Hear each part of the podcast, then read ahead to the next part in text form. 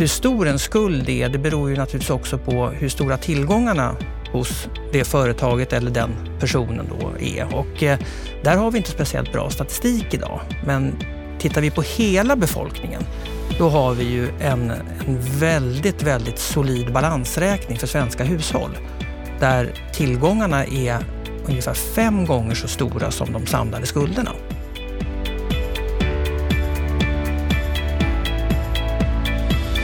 Han menar att debatten behöver nyanseras, att vi inte behöver vara rädda för hushållens höga skuldsättning eftersom det är rätt hushåll som har skulderna och att tillgångarna vida överstiger skulderna. Det är inte helt enkelt att veta vad som gäller och vad det betyder när vi pratar om marknadsläget, hushållens skuldsättning och hur allvarligt kreditrestriktionerna egentligen slår. Idag ska vi få en djupgående analys av marknadsläget av chefstrateg Johan Javeus. Varmt välkommen till ytterligare ett avsnitt av Bopolpodden som leds av mig, Anna Bellman. Till vardags jobbar jag som föreläsare, talartränare och moderator, ofta med möten och konferenser som rör samhällsbyggnadsområdet på något sätt.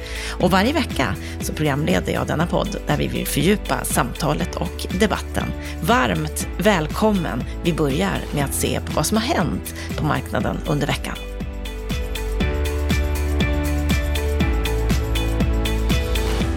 Stefan Attefall, vår expertkommentator för veckan. Vad säger du om veckan som har gått? Har du hört något speciellt i debatten?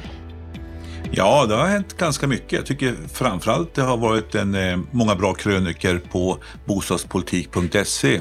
Ulrika Liv om eh, Dagens Industris nya klimatindex och Stan Lundström resonerar kring hur olika upplåtelseformer skapar rika och fattiga.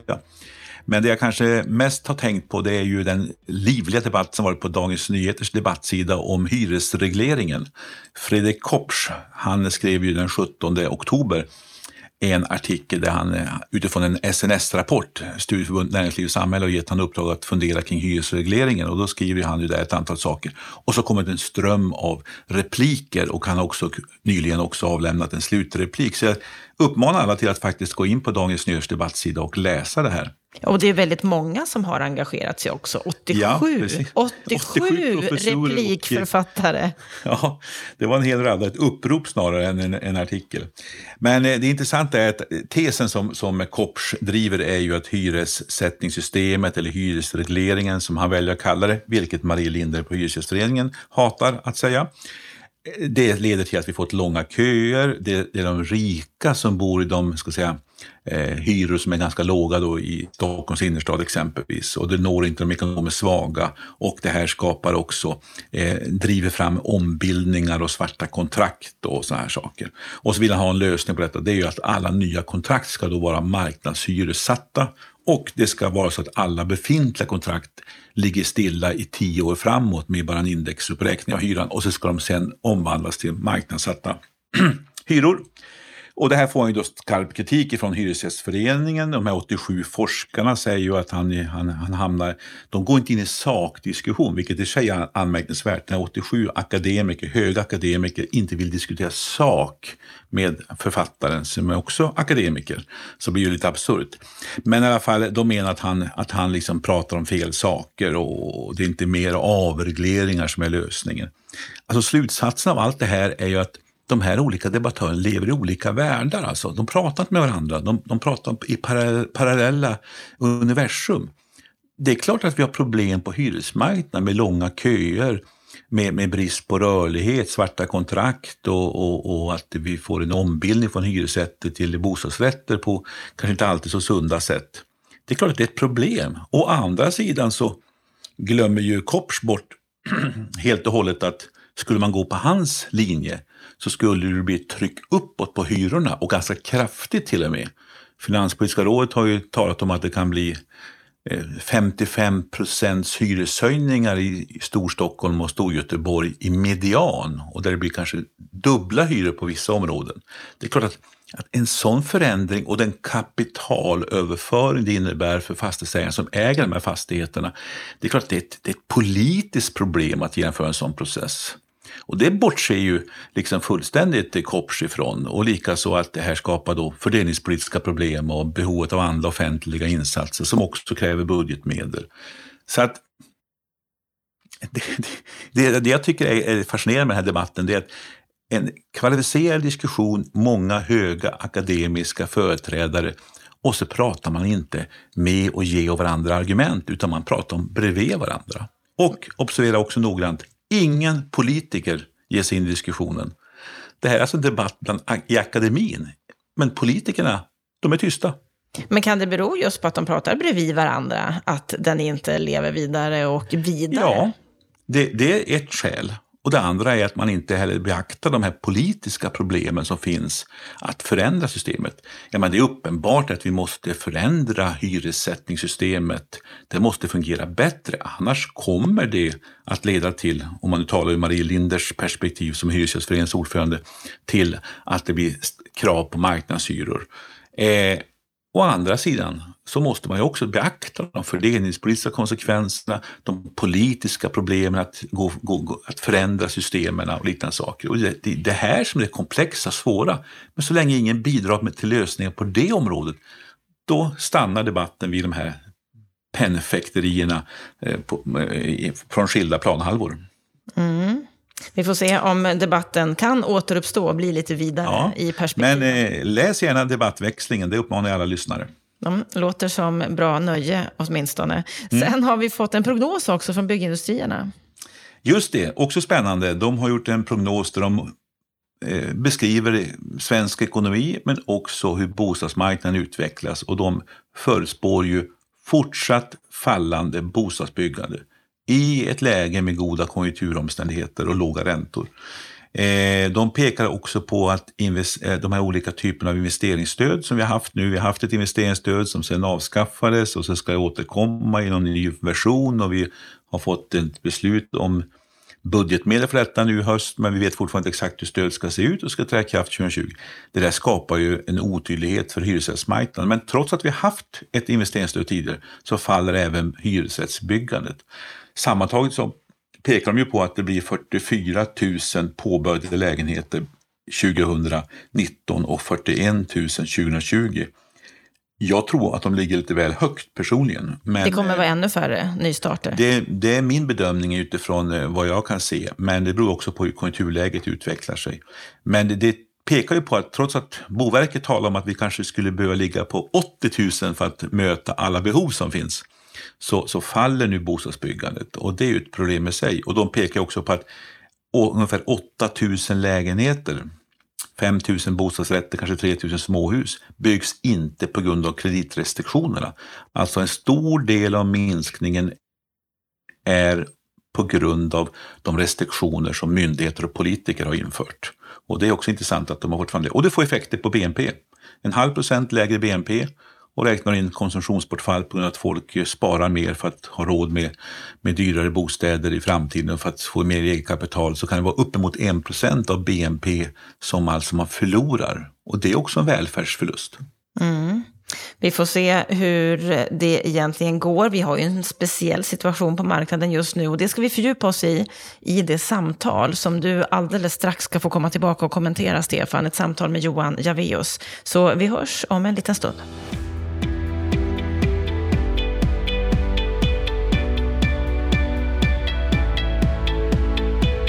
Hur är egentligen läget på marknaden? Hur allvarligt ska vi se på hushållens skulder och hur rädda ska vi vara för oktoberspöket? Idag ska vi få facit. Varmt välkommen till Bopolpodden Johan Javeus. Tack så mycket. Vad är din sinnesstämning idag? Ja, det beror på vad du frågar om. Eh, det regnar ute den här dagen vi spelar in och eh, det är klart att eh, lite dystert är det även på marknaden får man säga. Framförallt om man tittar på läget i konjunkturen. Gör det att du också blir lite dyster tycker du? Ah, jag är van vid det här. Det är ju trots allt någonting man har levt med under hela sin yrkesverksamma tid i stort sett. Så att, nej, det, jag ska inte säga att det påverkar mitt humör så mycket. Hur gör du för att vara på ett positivt humör även när marknaden är dyster? Ja, man får försöka fokusera på andra saker. Eh, så att det, nej men det brukar gå bra. Man får inte koppla ihop eh, jobb och privatliv allt för mycket helt enkelt. Nej. Bra tips. Du är chefsstrateg på SEB. Vad gör man då? Ja, men man funderar mycket kring sådana där frågor som du just nämnde. Vad ska hända med konjunkturen? Ska räntor gå upp eller ner? När ska Riksbanken höja räntan? Eller kanske ska de till och med sänka räntan innan? Eh, vad ska hända med vår valuta? Ska den försvagas ytterligare eller har vi nått någon sorts eh, botten för den nu? Det, det är den typen av frågor.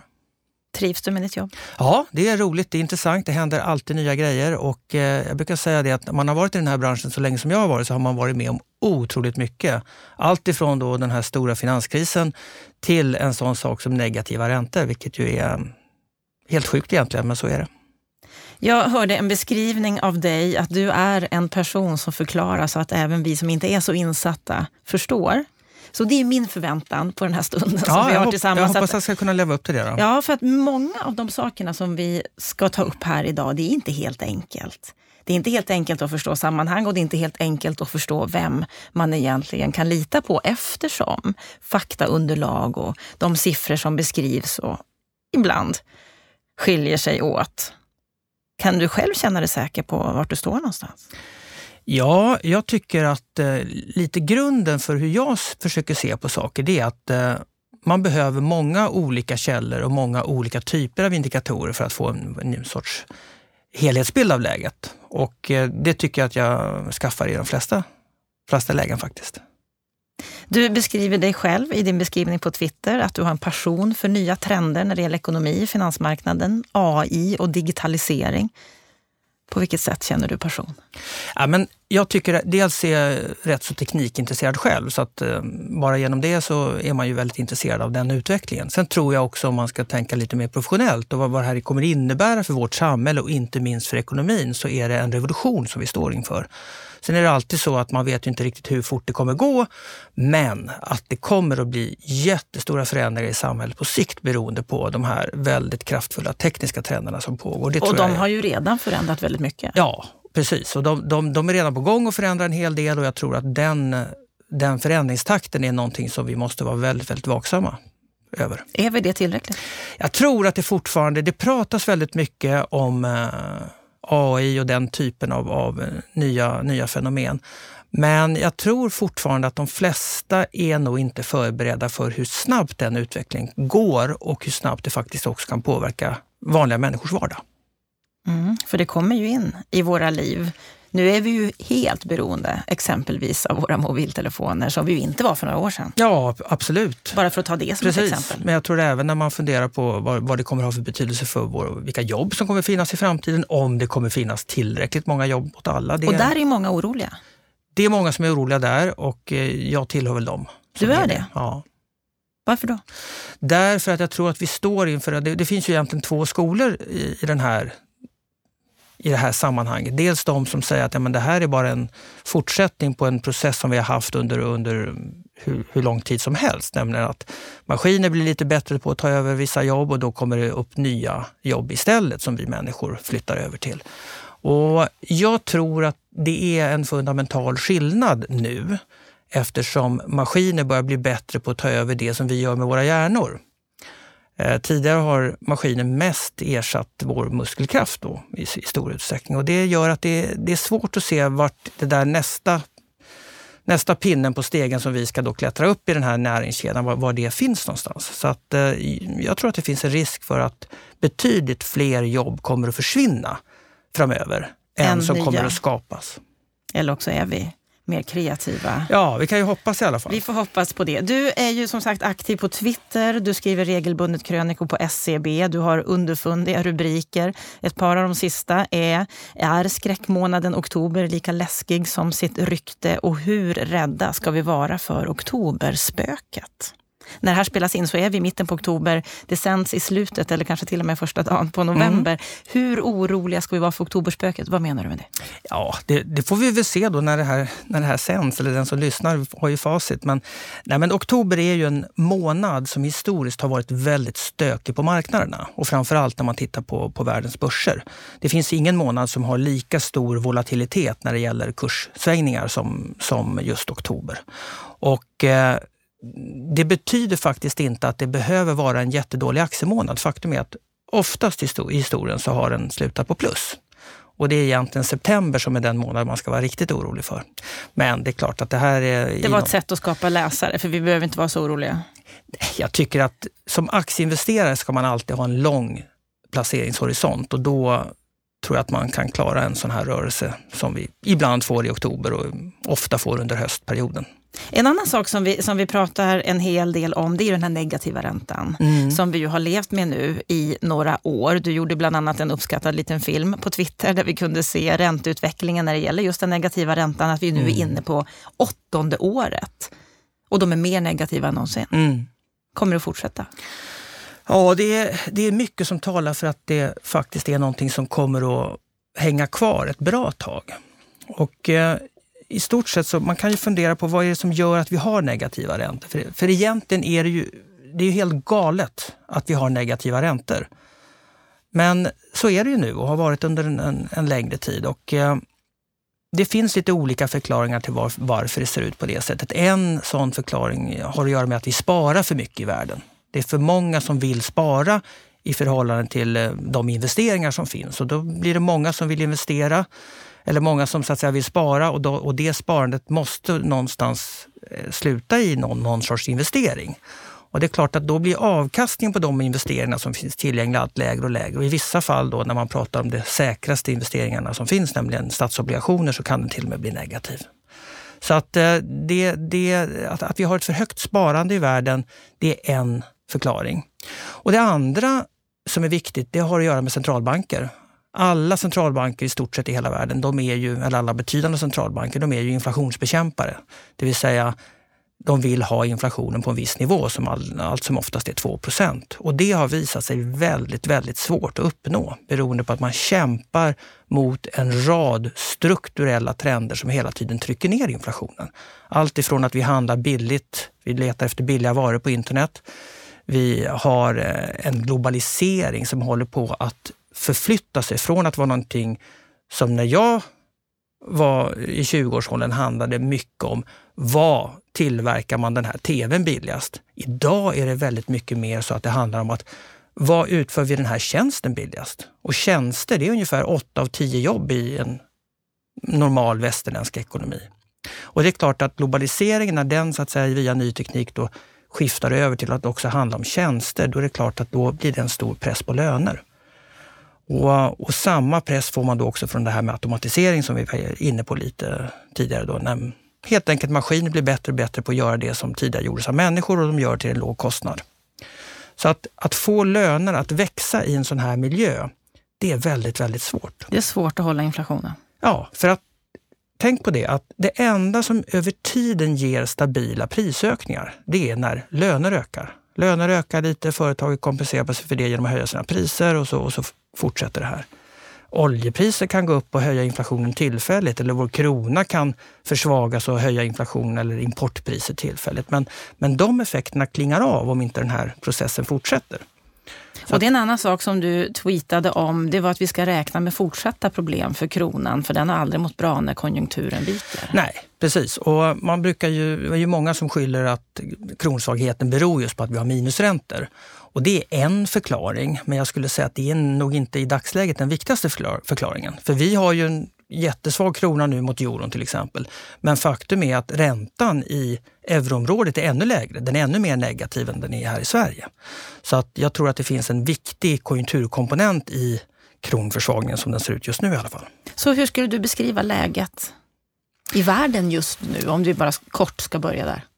Ja, vi står inför sämre tider och det är nog alla relativt överens om. Eh, vi har haft en väldigt, väldigt lång period av ihållande positiv tillväxt. Faktiskt den längsta som man har uppmätt någonsin i, i USA till exempel. Och frågan är då, kommer vi nu att få bara en avmattning som vissa tror. Och det kan jag säga också är den officiella vyn som vi har på Är det SCB. det vi kallar för recession? Nej, det är det vi kallar för mer en, en nedgång i ekonomin, en avmattning i tillväxten. Men tillväxten går då inte över till att liksom falla eller bli, bli negativ. För det är då det blir en recession? Det är då det blir recession, som vi då sist hade i samband med, med finanskrisen 2008-2009 däromkring. Eh, så att det, är lite, det står och väger lite nu. Det är vissa som tror att vi kommer hamna i recession, andra tror att det blir en, en, en mildare typ av avmattning. Men ingen depression som väl är Nej, den lägsta tror jag, versionen? Nej, det tror jag är, är väldigt liten risk att vi får. Och jag tror att skulle vi nu få en sån här, eh, ett lite allvarligare konjunkturnedgång då, som faktiskt spiller över i att vi får en recession, vilket jag tror ändå att det finns en relativt stor sannolikhet för att vi hamnar. Då tror jag ändå att det blir en mildare sorts recession än vad vi hade för tio år sedan i, samband med finanskrisen. Och du var med i en artikel i Finansliv nyligen som hade rubriken Vi hade inte överlevt utan finanskrisen. Varför hade vi inte gjort det? Ja, jag vet inte. Det är ju inte jag som sätter rubrikerna på de där. Jag tror, jag Men tror, håller du med om rubriceringen att, Ja. att den ändå hade sina positiva... Ja, det, jag, jag tror att finanskrisen hade absolut, eh, som, som med alla kriser, så det är ett brutalt sätt att rensa ut en del problem och obalanser som har funnits- i en ekonomi. Så det är det positiva. Sen så tror jag att det finns eh, för eh, många människor och länder betydligt mindre smärtsamma sätt att, att göra det. Men, men historiskt sett så har det ofta varit någonting som inte bara är negativt. Om jag får citera dig från just den där artikeln så stod det att du menar att problemen inledningsvis inte var så allvarliga som krisen gav intryck av. Och så sa du så här, det som mer än något annat förvärrade krisen och spädde på osäkerheten var att alla misstänkte varandra för att vara nästa Lehman. Ingen visste vilka problem grannbanken hade och ingen vågade lita på någon. Mm, precis. Och det, det var ju en, en sak som verkligen förvärrade den här finansiella delen av krisen och som då också tyvärr spillde över en hel del till real, realekonomin. Därför att när banker blev väldigt restriktiva med att låna ut pengar så, så blev det naturligtvis någonting som också fick negativa effekter för företag och de som behöver pengar för att investera. Så att nej, den här misstron på, på finansmarknaden som vi hade under den här perioden, den, den var den var väldigt, väldigt jobbig och den var väldigt, väldigt smärtsam för inte minst banksystemet, men, men även för resten av ekonomin då via, via de återverkningar som banksystemet gav. Och det är också någonting som jag tror att vi har löper mycket mindre risk av att hamna i idag. Därför att jämfört med för tio år sedan så är eh, banksystemen runt om i världen mycket, mycket mer reglerade och genomlysta jämfört med hur det såg ut då. Och jag tror också att investerare generellt sett har blivit mycket mer Eh, benägna att de vill veta vad investerar jag i? De vill inte köpa något instrument som är en svart låda där de inte egentligen vet vad det är de köper. Utan, eh, det har blivit en, en större medvetenhet från investerare och det har blivit en större övervakning av det finansiella systemet. Och det tror jag kommer att bidra till att eh, de här finansiella riskerna är mycket mindre idag än vad de var för tio år sedan. Och om vi då tittar på läget idag så kan vi ju bland annat titta på vad Riksbanken går ut och säger att en av de största hoten mot svensk ekonomi det är hushållens skulder. Och det har ju införts en del kreditrestriktioner med amorteringskrav och så vidare för att just få hushållen att spara mer och minska sina skulder. Och om vi ska titta och fördjupa debatten här nu då kring hushållens skulder så har du bland annat gått ut och sagt att du tycker att den behöver nyanseras. Varför då? Ja, jag tycker inte att man behöver vara så orolig. Det, och det, det sa jag redan i början av det här året. Jag tycker inte man behöver vara så orolig för hushållens skulder som det har många har, har, har varit och många har givit uttryck för att man ska vara. Och sen dess så har ju också den här debatten tycker jag skiftat en hel del. Vi hade Finanspolitiska rådet till exempel som var ute tidigare i år och, och sa att de, de har omvärderat sin syn på den här skuldoron. Den är, det är inte ett lika stort problem som man, som man trodde tidigare. Och jag tycker det finns väldigt mycket som talar för att så är fallet. Vi har absolut sett stora skulder i Sverige idag men studier som har gjorts, både på senare tid och, och även för ett antal år sedan, de visar att det är ändå rätt personer i bemärkelsen att de som har råd att betala, de som har höga inkomster, det är de framför allt och som har lånat mycket pengar. Eh, så det är en för, förmildrande omständighet. Och sen så måste man också, och det är någonting som man som bankman får med sig sen eh, med modersmjölken nästan, det är ju att hur stor en skuld är, det beror ju naturligtvis också på hur stora tillgångarna hos det företaget eller den personen då är. Och eh, där har vi inte speciellt bra statistik idag. Men tittar vi på hela befolkningen, då har vi ju en, en väldigt, väldigt solid balansräkning för svenska hushåll. Där tillgångarna är ungefär fem gånger så stora som de samlade skulderna. Så att Och det är ju en ganska stor differens. det är en enorm differens och, och, och, det finns ju ingen som skulle komma på tanken på att säga att en person som har fem gånger så stora tillgångar som skulder på något sätt skulle vara överskuldsatt. Men givet det här, varför går då Riksbanken ut och säger att ett av de största hoten är hushållens skulder? Ja, men jag tror att det handlar om väldigt mycket om att det, det, dels kanske man ser det lite som sin roll att man ska, man ska varna och man, man, man på något sätt så Riksbanken de tittar ju väldigt, deras favoritmått är när man mäter hushållens skulder som andel av disponibla inkomster, alltså hur stora våra skulder är i, hos de svenska hushållen i förhållande till hur våra, våra inkomster är. Och då har den här kurvan då fortsatt uppåt ända sedan mitten av 90-talet och, och fortsätter fortfarande nästan uppåt. Då, då. Så att det är deras sätt att, att, titta på det här problemet. Och, och jag skulle säga så här att visst, våra skulder är höga, absolut. Men de tillgångar vi har är också stora och de räntekostnader som behövs för att och liksom serva de här skulderna, de är lägre än vad de någon, någonsin har varit. Och då är ju frågan, okej, okay, kan vi räkna med att räntor kommer fortsätta vara så här låga för, för alltid? Ja, alltså, jag tror att för några år sedan så sa alla att ja, men det här med minusräntor, det är någonting som det är snart borta, det är en, det är en eh, parentes. Nu är det som sagt åtta år sedan de, vi såg det första gången och eh, det är klart att det här tenderar att blir allt mer permanentat. Och jag tror idag att det är väldigt få som räknar med att vi kommer få någon räntechock eh, vare sig i Sverige eller något annat land under, under överskådlig framtid. Och om det är så då, att den här låga räntan kommer att permanentas och, och, och finnas kvar på den här låga nivån, även om det kanske inte är minus men ändå vara på en låg nivå.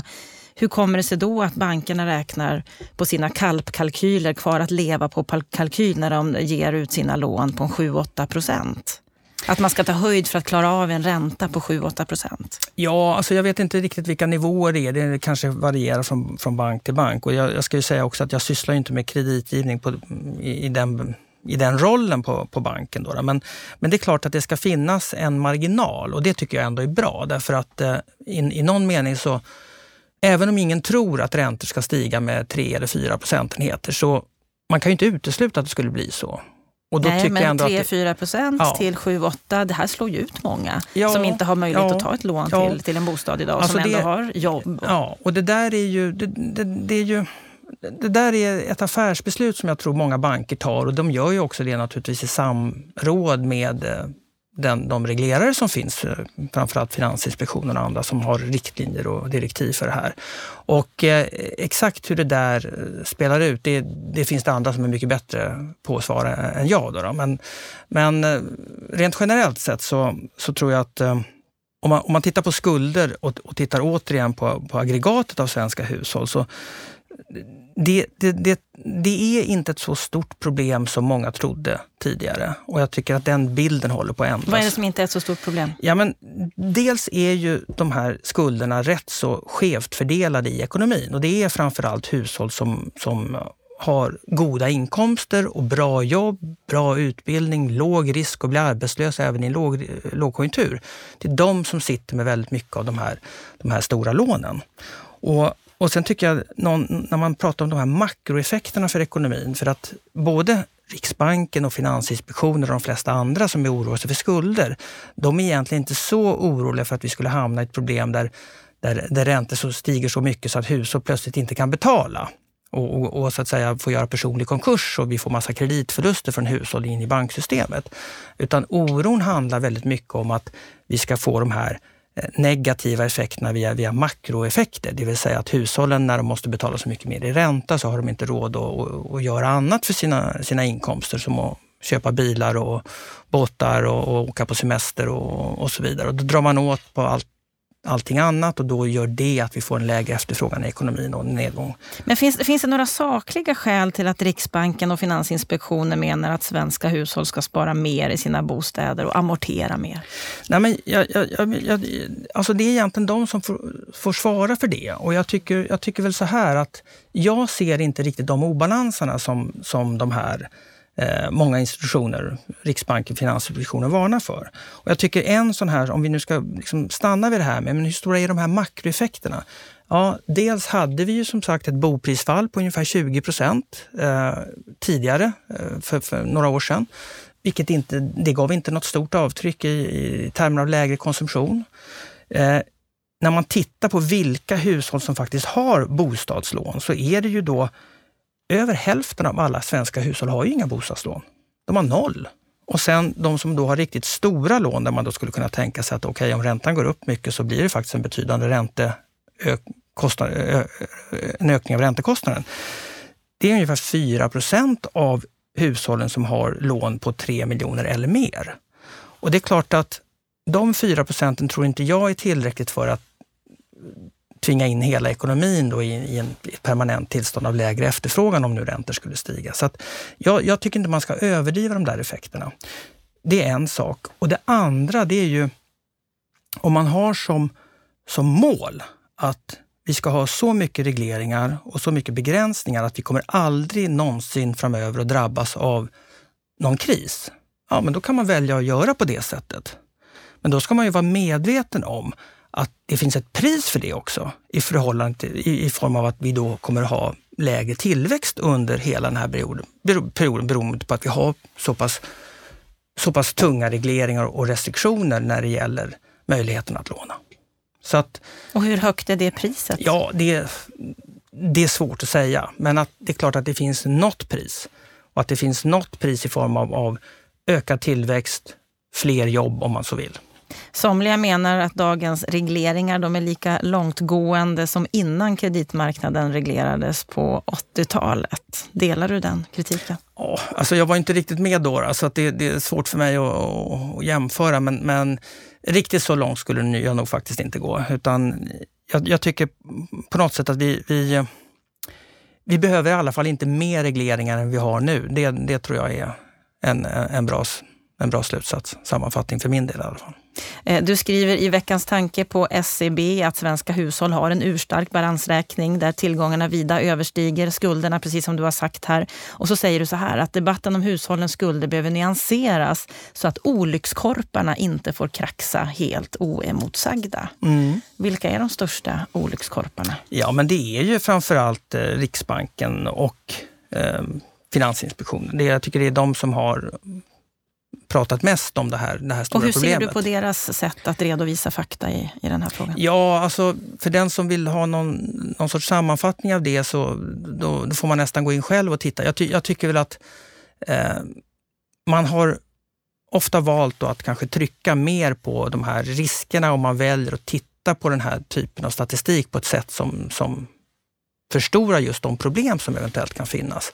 Sen vad motiven till det är, det, det kan inte jag säga. Men, men jag tycker att när man, när man tittar på helheten och, och försöker väga samman då framförallt också skulder och sätta dem i någon sorts relation till de tillgångar som hushåll har, då blir bilden inte lika alarmerande.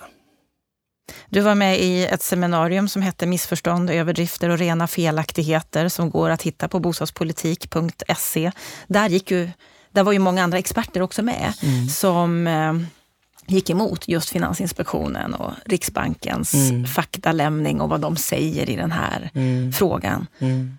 Hur länge tror du att de kan få, få leka på sin kant, om jag får använda det raljerande uttrycket, och, och, inte svara på den här kritiken som fler och fler nu ger? Ja, men jag, jag, jag tror att det som, det som vi nämnde inledningsvis, att det, det börjar så att säga debatten har blivit mer nyanserad skulle jag säga, bara under det här året. Och eh, jag tror att det kommer väl antagligen att fortsätta. Och eh, sen vill ju Riksbanken också, de vill ju börja samla in data över hur mycket tillgångar hushållen har. har. Den typen av statistik har vi ju inte idag eftersom vi slutade samla in eh, det på individnivå då, i samband med att man tog bort förmögenhetsbeskattningen då för, för många år sedan. Så att mer, mer, mer data som kan belysa hur det verkligen ser ut, det tror jag skulle vara, det tror jag skulle vara bra. Och det, det skulle också bidra till att vi får en mer nyanserad och väl informerad eh, debatt och diskussion kring de här frågorna.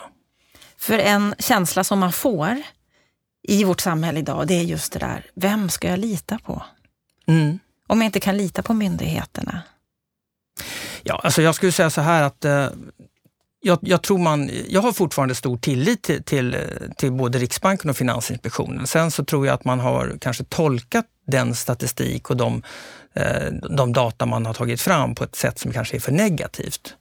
Eh, men att gå så långt som så att säga att man, man försöker vilseleda befolkningen eller andra myndigheter, det, det, det skulle jag absolut inte säga. Utan jag tror att det ändå handlar om att man, man har ett synsätt eh, i grunden för att det här, det här är, är någonting som är farligt och någonting som man måste vara väldigt, väldigt vaksam kring. Sen så tycker jag också att när man, när man funderar kring det här med, med regleringar. Vi kommer ju från ett läge där vi för tio år sedan hade mycket, mycket mindre regleringar av, av banksektorn än vad vi har idag. Och jag tror att på något sätt får man sätta det här, det här läget vi har idag i någon sorts historisk eh, kontext. Därför att om man betänker hur läget var då för, för tio år sedan i samband med att eh, Lehman kollapsade och vi drabbades av den här stora finansiella krisen. Politiker, både i USA och i Europa och även i Sverige, de blev ju sittande med det här i, i knät. Ett jätteproblem som de inte tyckte att de själva hade varit med och skapat. Och det är klart att om jag var politiker i det läget skulle jag varit rätt irriterad, för att uttrycka mig milt. Och det är klart att det blev ju så att säga sen startskottet för att nu måste vi se till att införa begränsningar och regleringar som gör att det här inte kan inträffa igen. Och nu har vi haft ungefär ett decennium av den typen av, av regleringspolitik och den kanske har nått vägs ände nu och det är dags för att börja pendeln och börja gå för lite åt andra hållet. För att få ett, ett, ett nytag och ett krafttag. Och hur, hur borde det krafttaget se ut? Ett nytag och ett krafttag med... Eh, för att inte hamna där igen?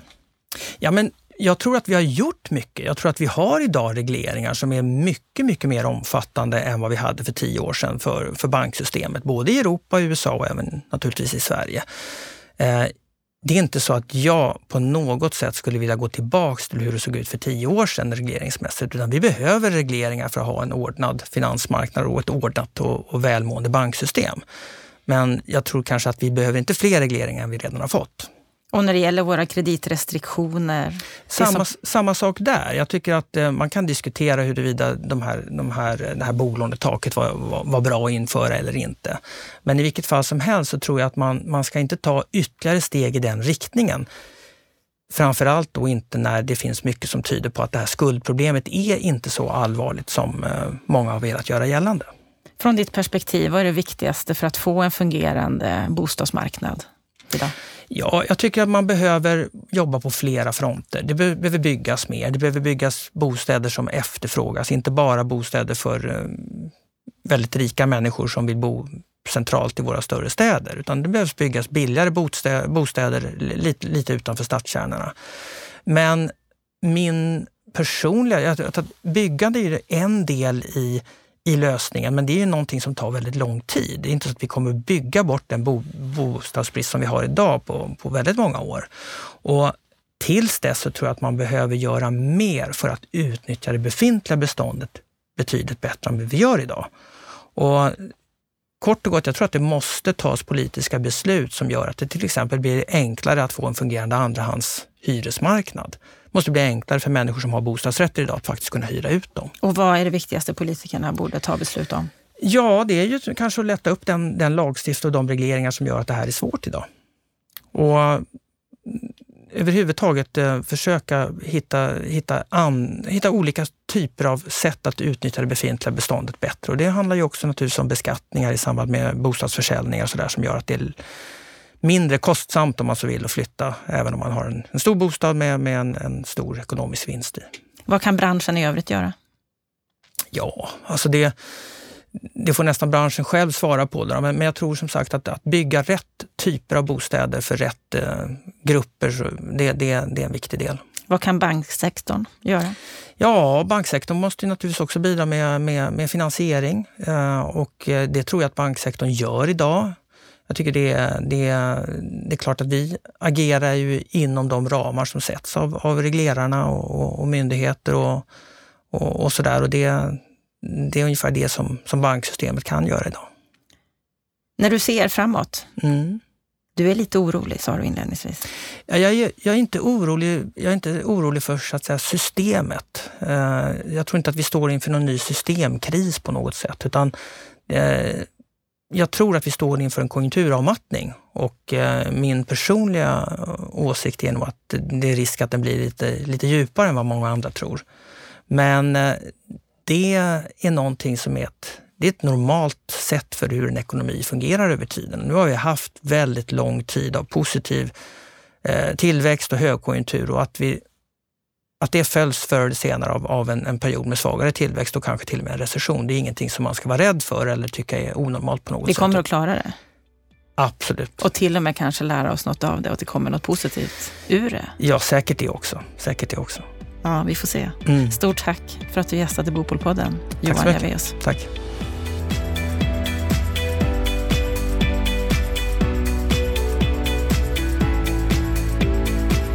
Ja, Stefan, vad säger du om samtalet med Johan Javeus?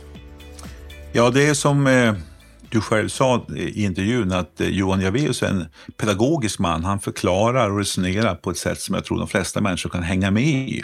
Och det är inte alla ekonomer eh, som har det privilegiet och den förmågan.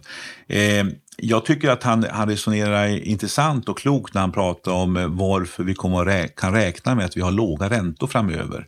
Alltså vi är många fler som är äldre, eller den åldern när man sparar mycket. Alltså i världsekonomin så har vi många i den åldersgruppen där man sparar mycket och det gör att man sparar till sin pension. Då finns det mycket tillgång till kapital, då blir räntan billig av det skälet. Och det andra är ju digitaliseringen och globaliseringen som gör att vi handlar överallt och vi köper tjänster där den är billigast. Och det här pressar priserna. Så att eh, inflationen kommer att vara låg, räntorna kommer att vara låga kanske inte så låga som idag, men låga lång tid framöver. Det tycker jag han har ett intressant och riktigt resonemang i och det har ju direkt bäring på fastighetsmarknaden och bostadsmarknaden som vi på Bopolpodden mest pratar om. Mm. Och sen pratar han om att eh, diskussionen om hushållens skulder, som vi också har pratat mycket om, att den debatten behöver nyanseras. Vad säger du om mm. det? Ja, precis. Va? Och han, han, eh, han tycker ju att man överdriver från myndigheternas sida problemen med skuldsättningen när man förstår deras roll också. Men jag tycker att han är där intressant. Jag läste också ett nyhetsbrev han skrev för en tid sedan och han upprepar ju lite grann det resonemanget nu. Han talar om att alltså, hushållen är oerhört rika, fem gånger mer tillgångar än skulder.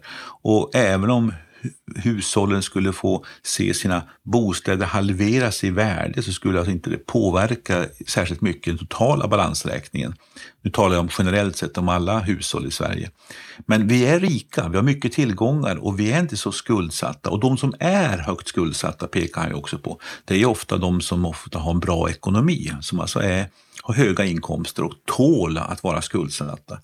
Så jag tycker att han bidrar verkligen till att nyansera bilden av det här med hushållens skuldsättning. Självklart ska man titta på det särskilt ur enskilda hushållens synpunkt, men eh, totalt sett så är inte bilden så nattsvart, särskilt inte när vi har också låga räntor och kan räkna med att ränteläget kommer att vara relativt lågt. Och det är också intressant att koppla an det till Riksbankens nyliga, nyliga besked om räntepolitiken. De räknar själv med närmaste tre åren att räntan ska ligga i stort sett på noll. Eh, reporäntan ska ligga på noll och inflationen kommer att vara under 2 procent och sådana saker. Så att eh, vi har en lågräntemiljö och att då ha den här typen av eh, alarmistiska signaler som, som tvingar fram politiska åtgärder och myndighetsåtgärder som faktiskt stryper eh, hushållens eh, möjlighet att köpa sin bostad.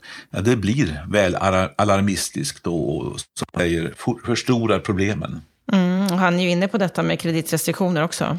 Ja, och det är ju dem, de som, som eh, påverkar det här och han menar att de har gått för långt. Och, eh, eh, sen frågar ju du mycket eh, riktigt också, ja men bankerna har ju också de här kvar att leva på kalkylerna och eh, där blir ju han lika rolig att lyssna på som, som eh, andra chefsekonomer som Robert Boye från, från SBAB med, med flera som skruvar på sig för att de kan inte riktigt försvara sin egen banks agerande för att man ligger ju på kvar att leva på kalkyler på kanske på 7-8 procent, eh, i bästa fall 6 procent.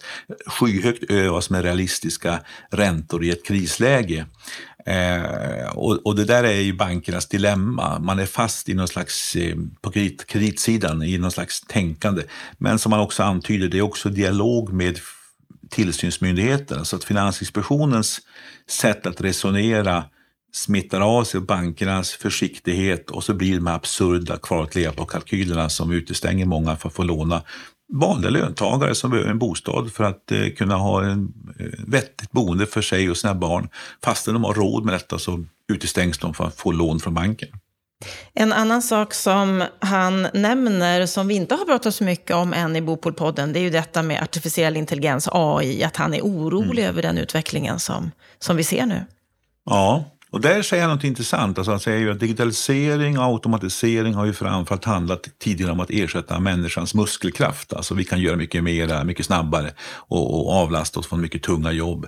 Men nu börjar med det nya då artificiella intelligens, eh, datorerna här ersätta hjärnans kraft, kreativiteten och, och hjärnmusklerna om man säger så. Och då menar han att då är det inte säkert att vi kan ersätta de jobb vi förlorar med nya jobb lika lätt.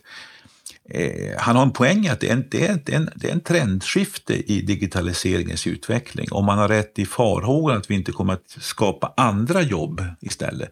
Jag tror ju att behoven inom vård, omsorg, utbildning, nöje, kreativitet, design, de är omättliga. Jag tror att det finns utrymme för den typen, men att det innebär en omstrukturering på arbetsmarknaden med sin tur skapar problem därför att vissa grupper då inte hänger med i den förändringen och hamnar utanför. Där tror jag han har en poäng. Så vi kommer få se ett annat typ av problem på arbetsmarknaden på grund av detta. Eh, sen tror jag jobb kommer att finnas, men de kanske inte finns där människor finns och inte i den, i den kompetensstation man befinner sig i. Det gör ju att arbetsmarknadspolitik och utbildningspolitik blir ännu viktigare och ännu svårare också i framtiden. Eh, så här är han inne och nosar på någonting mycket spännande men som är mycket större än bostadspolitik som handlar om hela vårt samhälles framtid. Mm. Det är större, men det är ju också någonting som påverkar vår bostadsmarknad på många sätt och ja. kommer att göra ännu mer framöver. Så jag är övertygad om att vi kommer man slipper, att... Man slipper kanske mäklaren när man ska köpa bostad, man får snacka med en dator istället. Exakt, så det kanske är nog så bra. Men vi kommer definitivt återkomma till det här ämnet, det tror jag, många gånger och på olika sätt från olika vinklar. Stort tack för den här veckan, Stefan Attefall. Tack ska du ha. Det var Bopolpodden för den här veckan. Nästa vecka kommer vi att titta närmare på korruptionen i branschen. Den är högst av alla. Så ha en fin vecka fram till dess. Vill du nå oss så gör du det på podd bostadspolitik.se.